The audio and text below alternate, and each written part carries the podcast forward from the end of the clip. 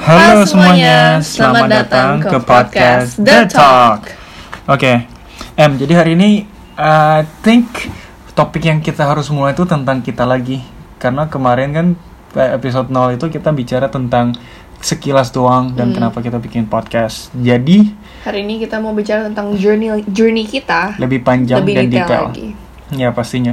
Karena itu menarik banget. Setiap orang bisa vegan karena hal-hal tertentu. Hmm. Ya, mungkin yang buat buat kamu bisa buat kamu jadi vegan, buat saya mungkin nggak bisa, hmm. ya kan? Dan journey kita beda banget ya. Ya beda banget. Aku pernah dengar kamu punya itu kan overnight.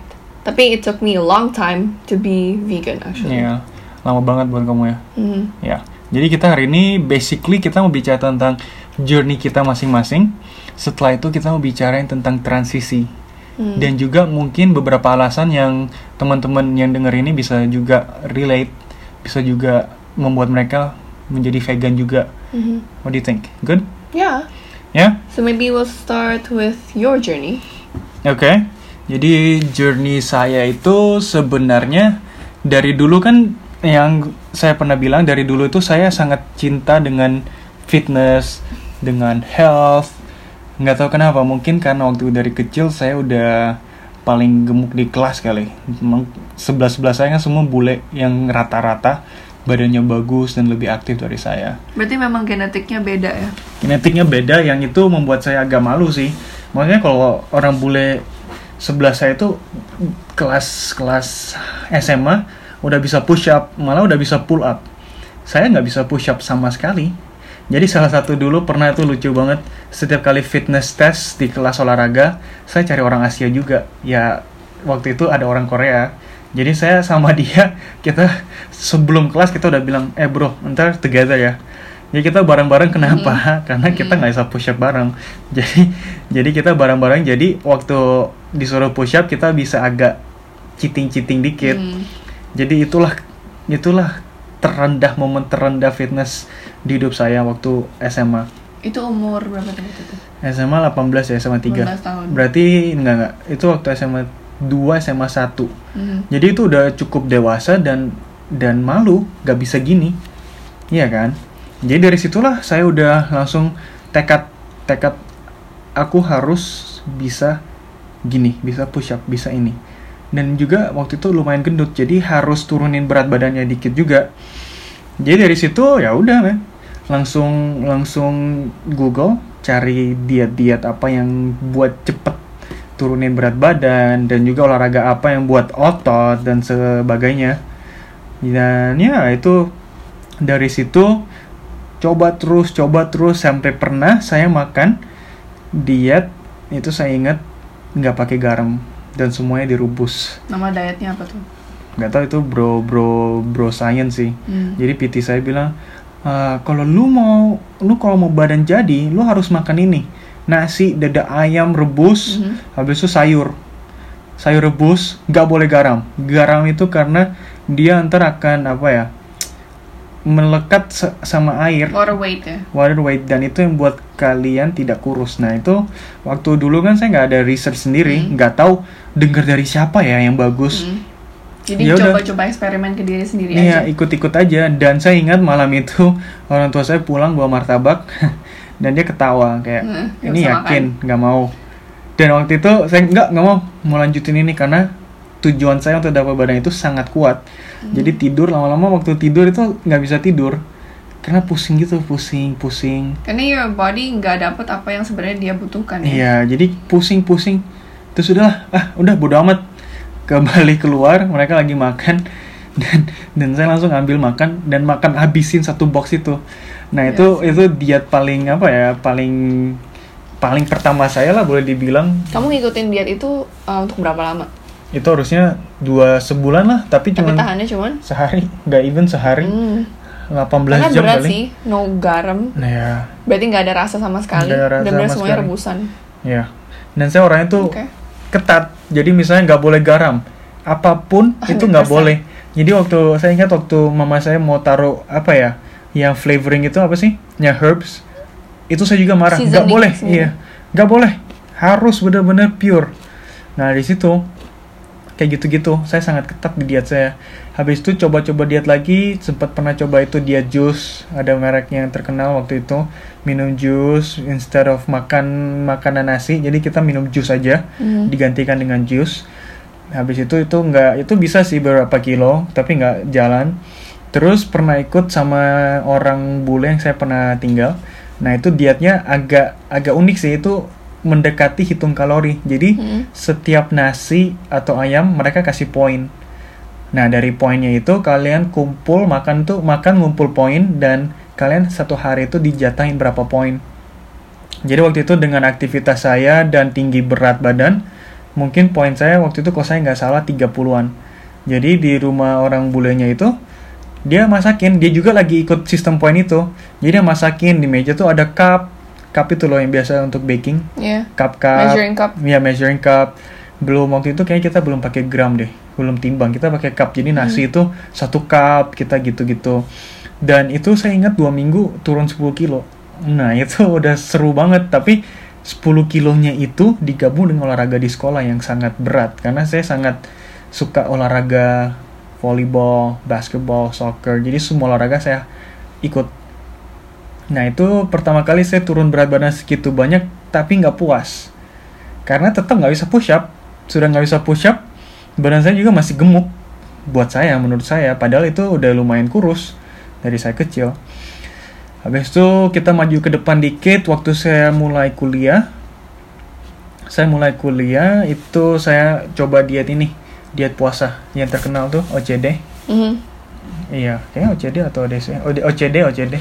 Jadi itu puasa, puasa berapa jam, habis itu udah makan sebanyak sebanyak yang kamu mau dalam waktu buka puasanya itu. Dan habis itu puasa lagi nggak makan. Itu lagi. bedanya apa sama intermittent fasting? Itu sebenarnya sama, Same thing. sama. Mhm. Intermittent fasting tuh banyak banyak ininya, banyak tipe-tipenya. Ada orang pakai intermittent fasting dengan kalori misalnya digabungin. Ada juga orang yang bener-bener intermittent fasting. Jam aja. pakai jam. Ada juga ya gitulah pokoknya banyak. Hmm. tekniknya satu yaitu puasa nggak makan. Ada waktu makan dan ada waktu nggak makan. Jadi saya coba itu waktu SMA eh waktu kuliah. Terus lumayan saya suka. Cuman ya itu tadi dengan tidak ada kontrolnya badan saya tuh jadi gila otak saya malah jadi gila emosi saya gila tentang makanan Hmm. Bayangin saya bisa puasa 24 jam, makan sejam, besok lanjut puasa lagi. Gila nggak? Badan badan saya kan nggak ada nutrisi selama 24 jam. Iya. Pas makan tuh langsung udah hajar aja semua. Apa pun yang saya bisa lihat Udah gak hajar. kepikiran yang lain. Tapi Iya. apakah throughout the 24 jam itu kamu mikirin makanan? Saya mikirin makanan karena mulai lapar jam-jam terakhir, tapi jam-jam pertama nggak. Gitu. Habis itu ya kan ya kuliah, kuliah kan kita nggak Hmm. kita kan budget kita lumayan sempit, lumayan tight kan. Jadi saya makan waktu buka puasa itu saya makan makanan yang saya bisa lihat. Nah waktu itu tuh saya lihatnya, saya pernah ingat saya puasa 24 jam bukanya dengan kue-kue yang biasa dijual di Subway fast food. Di Indonesia belum ada sih, tapi bayangin apa ya toko kue cookies gitu, cookies and peanut butter atau apa. Hmm. Saya bisa bawa pulang 10 Hmm. terus langsung makan dalam satu kali go Satu kali. satu kali go itu saya pernah ingat dan itu habis itu udah rasanya udah muak udah pengen apa aja tapi ya gitu sampai saya pindah ke diet lain puasa juga tapi dengan hitung kalori. Hmm. itu saya dapat di Google dan itu lumayan sih lumayan lumayan kontrol. Karena saya makan pu- saya puasa dan juga ada limitnya sendiri. Jadi itu sangat membantu saya untuk untuk mencapai target badan saya. Dan dengan puasa itu dengan hitung kalorinya saya udah mendekati itu. Habis itu waktu saya kuliahnya di Australia sorry tadi nggak bilang saya kuliah di Australia. Waktu saya balik dari Australia ke Indonesia saya mikir saya mikir di Australia itu dagingnya sangat fresh. Di Indonesia waktu itu saya pernah nonton di salah satu stasiun TV yaitu daging sapi di sapinya dimasukin air Hmm. supaya dia gendut atau apa. Terus saya dengar orang bicara oh iya anak ayam broiler ke gede itu cuma perlu setengah bulan atau 30 hari. Nah itu kan buat takut lah. Berarti banyak banget apa sih Chemicals. hormon ya kimia-kimia dipakai ke binatang ini. Dan, dan itu mereka udah benar-benar sama sekali nggak natural ya berarti? Iya dan saya takut dong. Dari Australia yang saya taunya sehat makan grass mm. atau apa-apa. Jadi kan ke Indonesia aduh makan apa nih? Nggak mungkin saya taruh kimia-kimia itu ke dalam badan. Jadi dari situ saya memutuskan untuk makan yang bagus. Cari alternatif tanda lain. kutip bagus yaitu ayam kampung sama sapi import.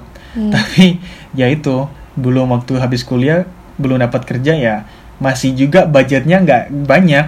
Jadi cuma beberapa minggu makan gitu dan sisanya harus makan balik lagi makan itu. Broiler sama itu. Karena itu nggak ada uang untuk beli yang yang bagus tanda kutip. Setelah itu saya ingat saya pulang suatu malam nonton di Netflix tentang What the Health? Dokumenter. Dokumenter. Nah kan saya kan suka fitness banget. Nama ini tuh nggak ada vegan vegannya iya yeah. kan? Jadi nggak mungkin ini vegan. Kesehatan. Kesehatan taunya. Nonton pelan pelan orang ini bicara telur habis itu bicara tentang binatang nggak bagus untuk lingkungan. Habis itu setelah nonton itu udah saya langsung berbalik arah dan langsung malam itu saya bilang vegan itu the best diet. Karena yang selain dari film itu nggak usah terlalu fokus ke kimia-kimia dari binatang atau apa dan juga murah. Ya kan? Jadi dari itu udah. Apalagi di Indonesia. Di Indonesia juga ya jadi dari situ udah langsung saya pikir udah saya harus coba. Dan malam itu juga saya coba besok pagi eh besok paginya sorry besok paginya udah saya langsung vegan seharian wow. nah vegannya itu bingung pasti kan maksudnya Duh makan apa sih? Apa dari sih yang, yang vegan? Tadinya, dari yang tadinya makan daging, yeah. makan semuanya, tiba-tiba besokannya langsung Harus dietnya cut. berubah total. Hmm. Pasti bingung kan nyari kira-kira nanti makan apa. Hmm, tapi waktu itu ada sedikit masukan dari dari teman-teman orang tua sih. Dia bilang oh ada restoran burger namanya. Yeah. Itu vegan. Tapi nggak tahu kan mereka juga bukan full vegan. Mereka juga vegetarian. Waktu itu saya lupa saya pesan apa. Mungkin juga itu vegetarian jadi saya langsung pesan duduk situ udah itu saya bingung waktu makan itu saya tanya setiap saya pesan saya tanya mbak ini vegan nggak mbak ini vegan nggak bayangin kita kan baru dari daging iya. yang bisa makan apa aja ke makanan yang sayur-sayuran buah-buahan. Mm. pasti bingung dong. Mm. maksudnya ini kacang vegan nggak ya? Google ini ini vegan nggak ya? Google gitu. Tapi lama kelamaan udah udah biasa setiap hari membaik karena masak di rumah juga makan di rumah. Ada pembantu yang bisa masak vegan nggak pakai daging nggak pakai telur. Dan habis saya vegan beberapa bulan sempat jalan-jalan juga ke luar negeri dan itu sangat susah vegan. Jadi waktu saya jalan-jalan ke luar negeri susah vegan mama saya marah. Kamu tuh makannya sayur dan nasi gila apa? Mana ada nutrisi? Jadi saya langsung bilang ya udah apa pilihan lain? Mama saya bilang vegetarian aja. Itu udah cukup. Dari situ saya langsung coba untuk menjadi vegetarian. Jadi saya udah makan telur makan susu martabak masih makan. Karena kan daging nggak ada. Yeah. tapi iya. itu ada jadi saya makan kayak gitu selama beberapa bulan tuh 3-4 bulan sampai saya nonton film tentang industri telur, industri sapi. Hmm. Setelah lihat kekejamannya di situ. Dokumenternya apa judulnya ingat gak? itu video pendek dari Earth oh video aja Earth, Earth, Earth apa sih Earth Ring Earthling Ed yes Earthling Ed jadi dari situ udah saya langsung memutuskan udah ini nggak bisa lagi. Dan malam itu juga besok langsung nggak makan telur nggak makan susu. Vegan lagi. Emang susah sih karena kita makan roti makan martabak makan telur dadar ya kan? Itu enak banget dan itu harus lepas. Harus lepas semua dan vegan. Nah itu susah banget, susah banget kan. Apalagi saya yang tinggalnya bukan di ibu kota. Jadi sangat susah untuk dapat tempat hangout atau juga hangout dengan teman-teman karena ya itu vegan tuh populasinya sedikit banget di tempat saya. Jadi waktu saya pas ketemu komunitas di Jakarta lagi tentang vegan itu udah bahagia banget. Maksudnya, wah ada teman loh yang vegan. Pertama kali ke restoran dan semuanya pesan vegan. Itu menarik banget sih. jadi ya cerita saya sebenarnya gitu saya transisi overnight nggak pikir panjang langsung transisi dan juga saya transisi sebenarnya karena satu alasan yaitu pertama kesehatan protein. Yang membuat saya pindah itu sebenarnya kata dari film What the Health. Kalau misalnya binatang terkuat di tanah itu itu makan sayur kenapa kita manusia harus makan daging? Bisa pakai sayur. Buktinya udah ada gajah. Nah itu udah merubah merubah mindset saya gitu. Kalau kamu gimana em Bentar dulu. Nah, sebelum kamu setelah kamu vegan ini apakah ada manfaat lain yang kamu lihat selain dari oh, sisi kesehatan?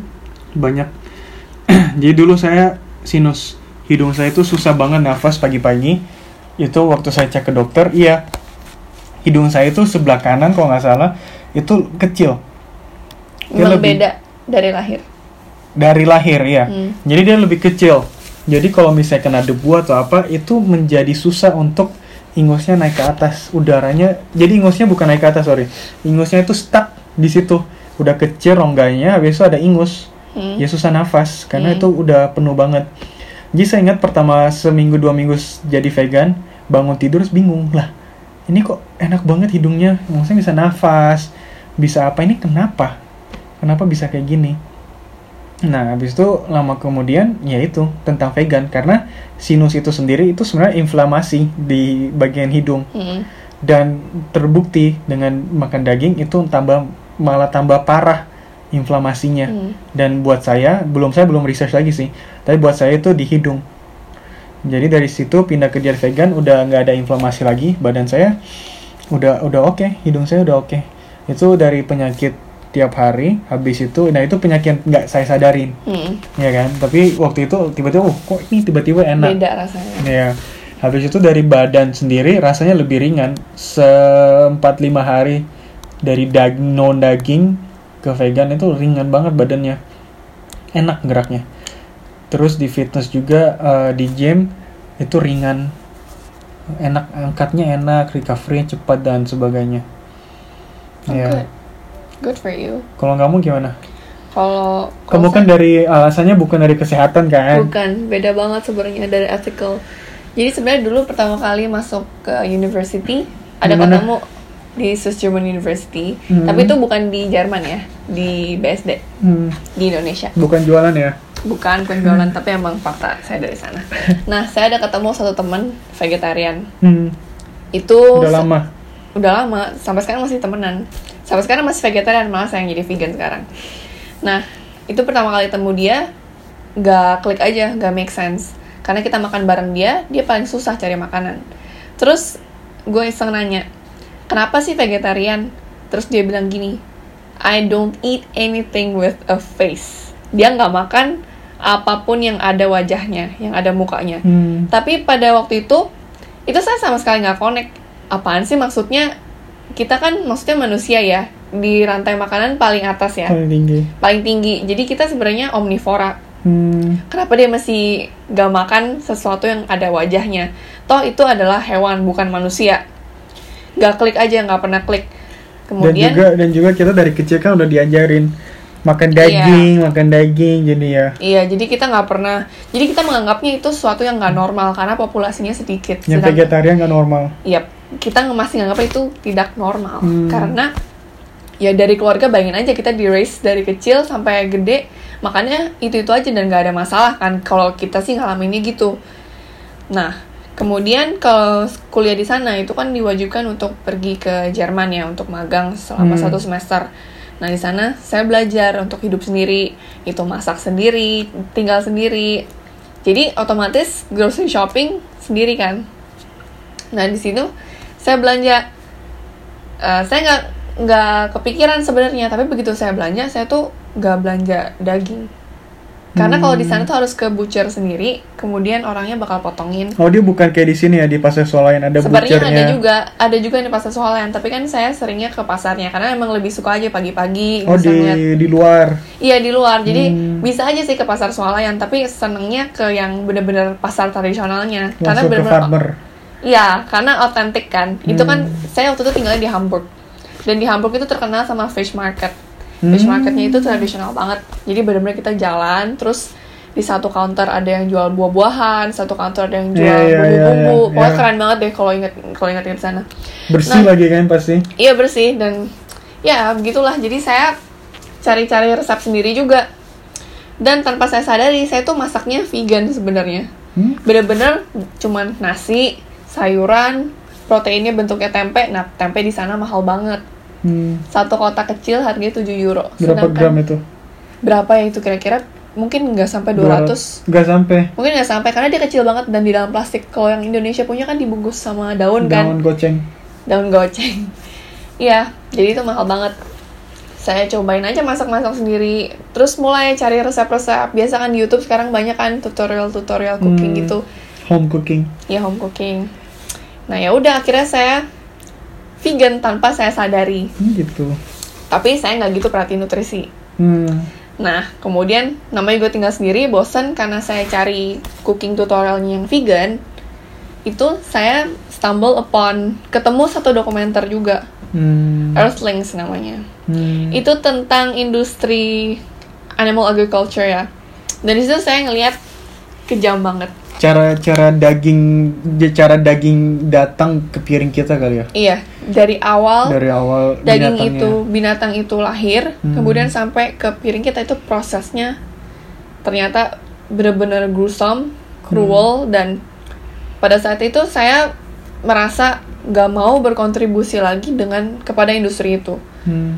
bukan karena alasan pengen diet pengen apa bukan Kasian. karena kayak saya ngeliat itu mungkin orang selalu bilang kalau omnivore itu natural kan Hmm. saya ngeliat itu tuh nggak natural Hmm. kenapa kita harus matiin satu makhluk hidup untuk kita supaya hidup Supaya kita kenyang. supaya kita makan jadi kan kita makan sekali nih Iya.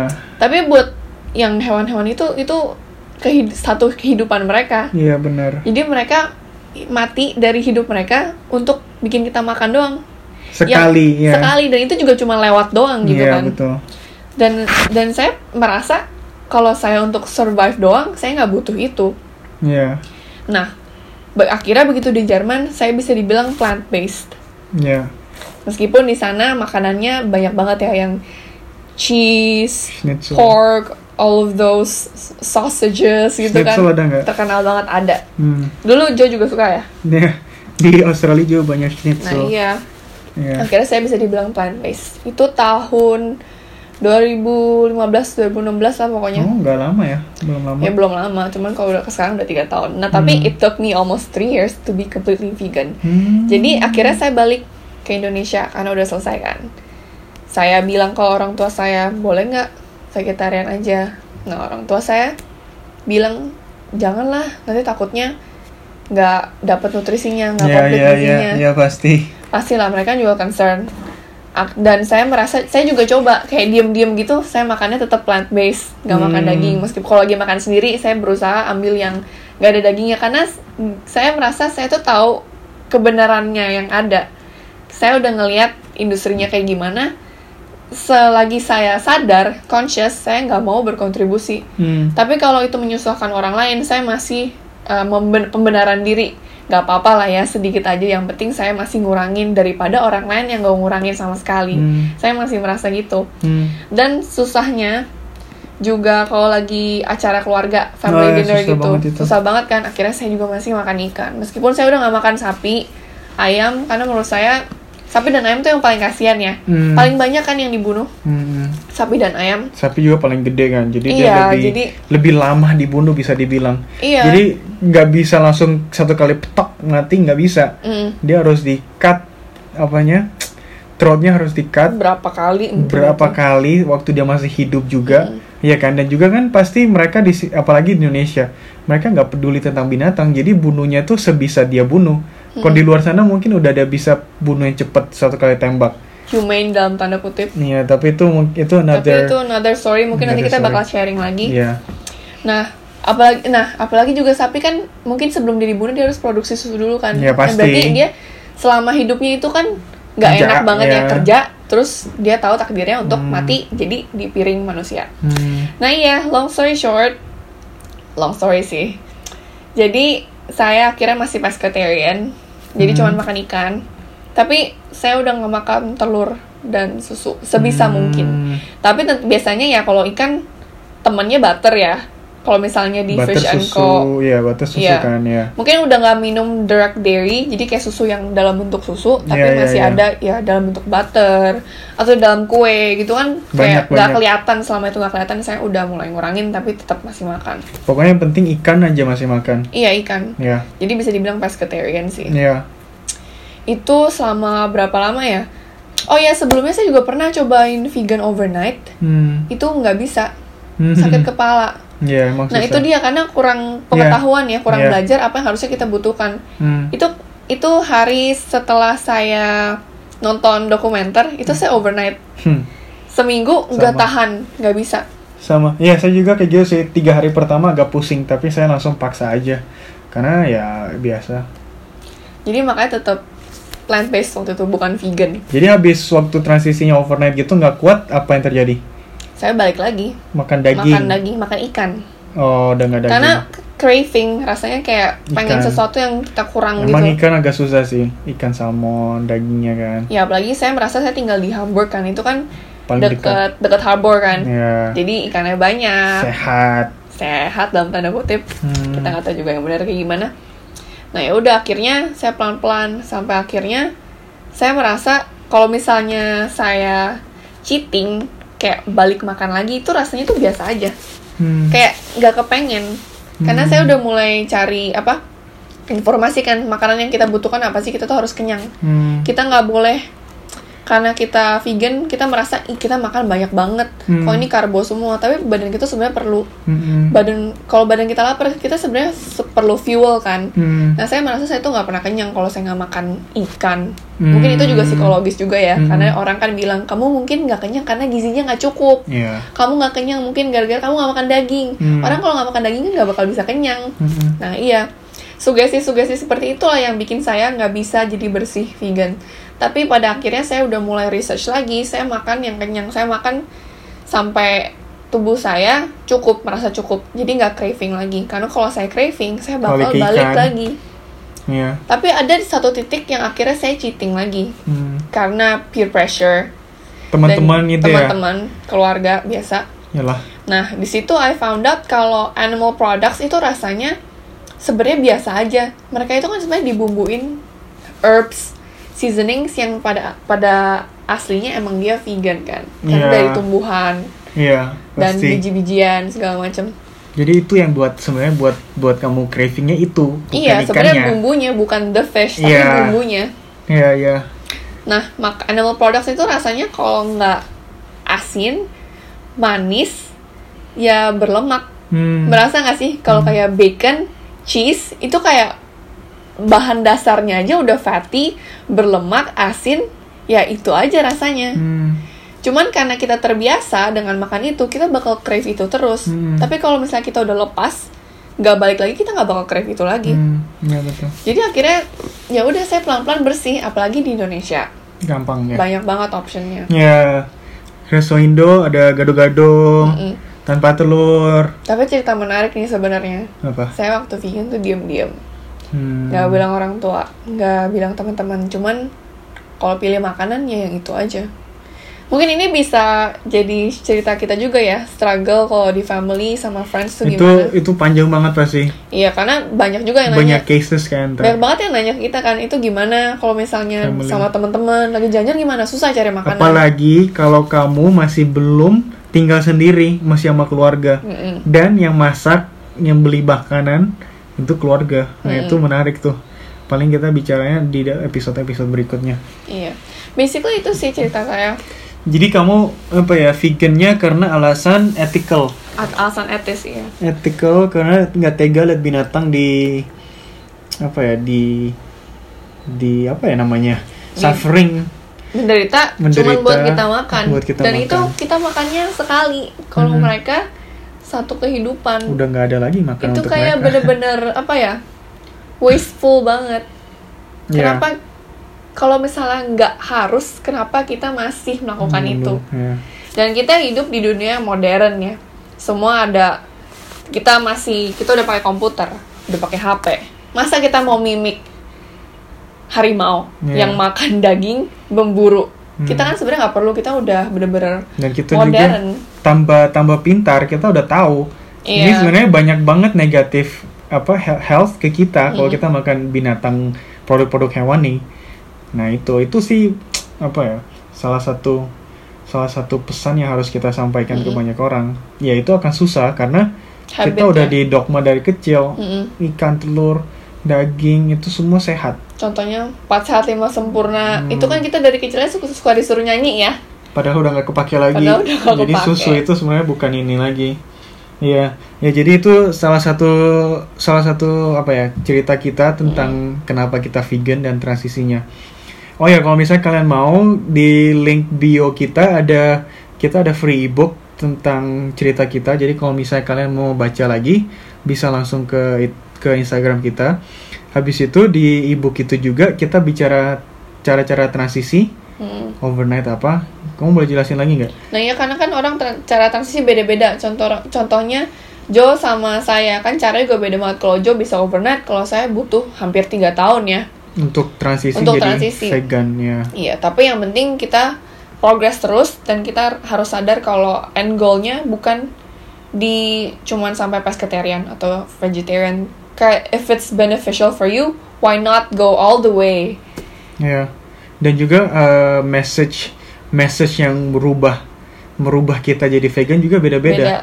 Karena dan saya kalau yakin semua orang juga beda-beda ya. Pasti. Titik kenanya. mungkin ada satu orang oh ya saya dulu tuh pernah loh ketemu saya kan belajar personal training di Australia dapat sertifikat salah satu coach saya itu sebenarnya dia nggak suka apa ya bukan nggak suka dia itu beda sendiri kenapa karena di buku disuruh makan ayam dia vegan Hmm. nah itu sebenarnya saya ingat-ingat lagi sekarang iya dulu tuh saya udah pernah dekat dengan veganism Hmm. cuma saya nggak connect the dot aja tapi saya ingat tuh si coach ini tuh paling kuat banget dia bisa naik Himalaya latihannya keras terus makannya bersih terus Umur Dia- berapa dia?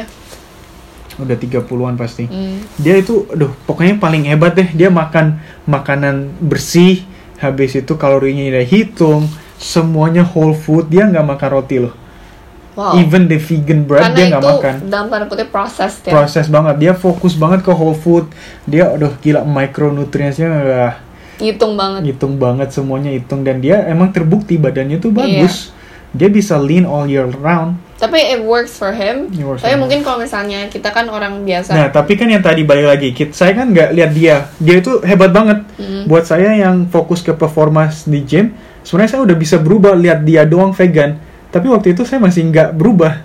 Hmm. iya kan? Nah ini balik lagi ke tadi kenapa orang berubah ikut diet vegan? Karena beda-beda hal. Iya. mungkin kalau kamu lihat dia langsung oh ya udah mau coba vegan. Mm-mm. ya kan? Tapi Betul. saya lihat dia enggak yang buat saya vegan tuh kata satu kalimat yang tadi binatang binatang sapi aja makan sayur kenapa kita harus makan daging? Mm-mm. ya kan? Untuk jadi kuat.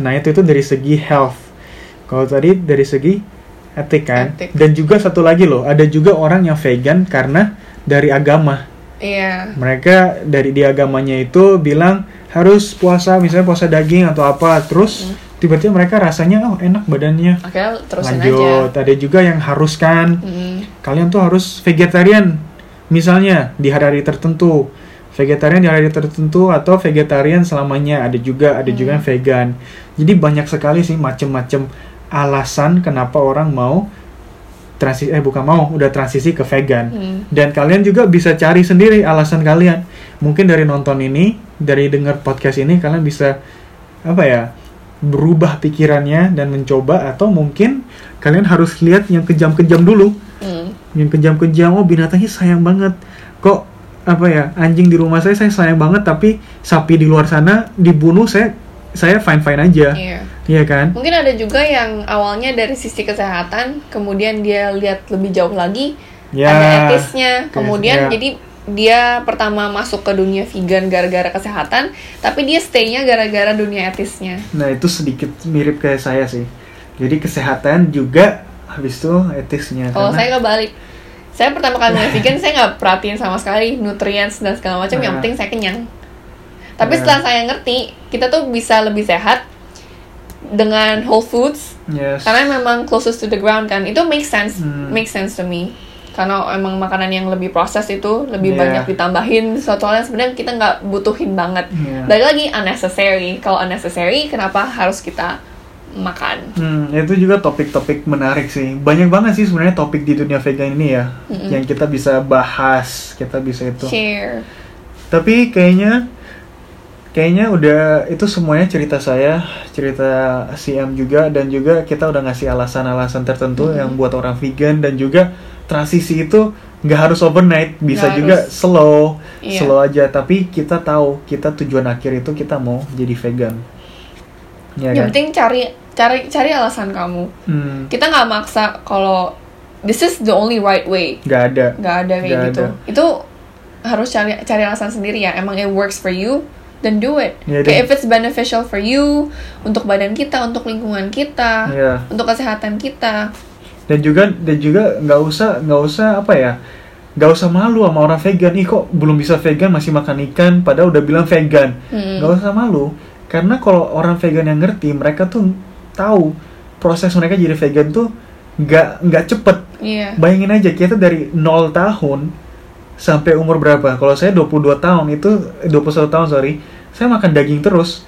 Dan saya mau rubah 21 tahun of habit habit saya 21 tahun makan daging mau rubah jadi makan sayur. Kan nggak bisa. Itu perlu waktu. Ada orang bisa satu mal satu hari ada orang perlu kamu berarti tiga tahun untuk berubah full. Jadi jangan pernah malu. Kalau misalnya kalian tuh belum bisa vegan fully tapi kalian mau jadi jangan pernah malu karena kalau kalian selam- selalu belajar selalu belajar pasti lama-lama kalian akan kena dan berubah jadi vegan. Mm-mm. dan satu hal yang penting sih itu kan yang kita masukin ke tubuh kita ya. Nggak ada salahnya kita tahu apa itu sebenarnya.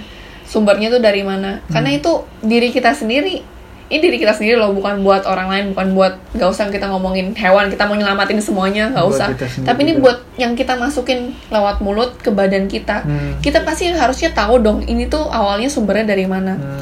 dan pesan saya adalah cari tahu tentang itu. Hmm. Yang penting kita bikin pilihan itu dalam kesadaran conscious choice. Oke, kayaknya itu itu aja dari kita. Jadi kalau misalnya kalian ada pertanyaan seputar vegan atau kalian mau tahu gimana sih apa sih yang kita makan setiap hari, nah itu bisa di Instagram saya jwani211 dan M. Merci Andrea. Yes, dan juga kalau kalian mau ebook yang tadi saya bilang gratis itu ada di Mercy bio-nya Mercy. Jadi Ya. kalian bisa langsung ke sana download dan juga pertanyaan kalau ada- kalian ada pertanyaan please please tanya kita karena kalau kalian tanya kita bisa kita juga belajar dan juga sharing. Nah, itu sangat bagus untuk kitanya ke depan dan kaliannya ke depan juga. Jadi that's it from us. Semoga bermanfaat. Semoga bermanfaat. Terima kasih dan we'll see you again next time. Peace out. Peace out.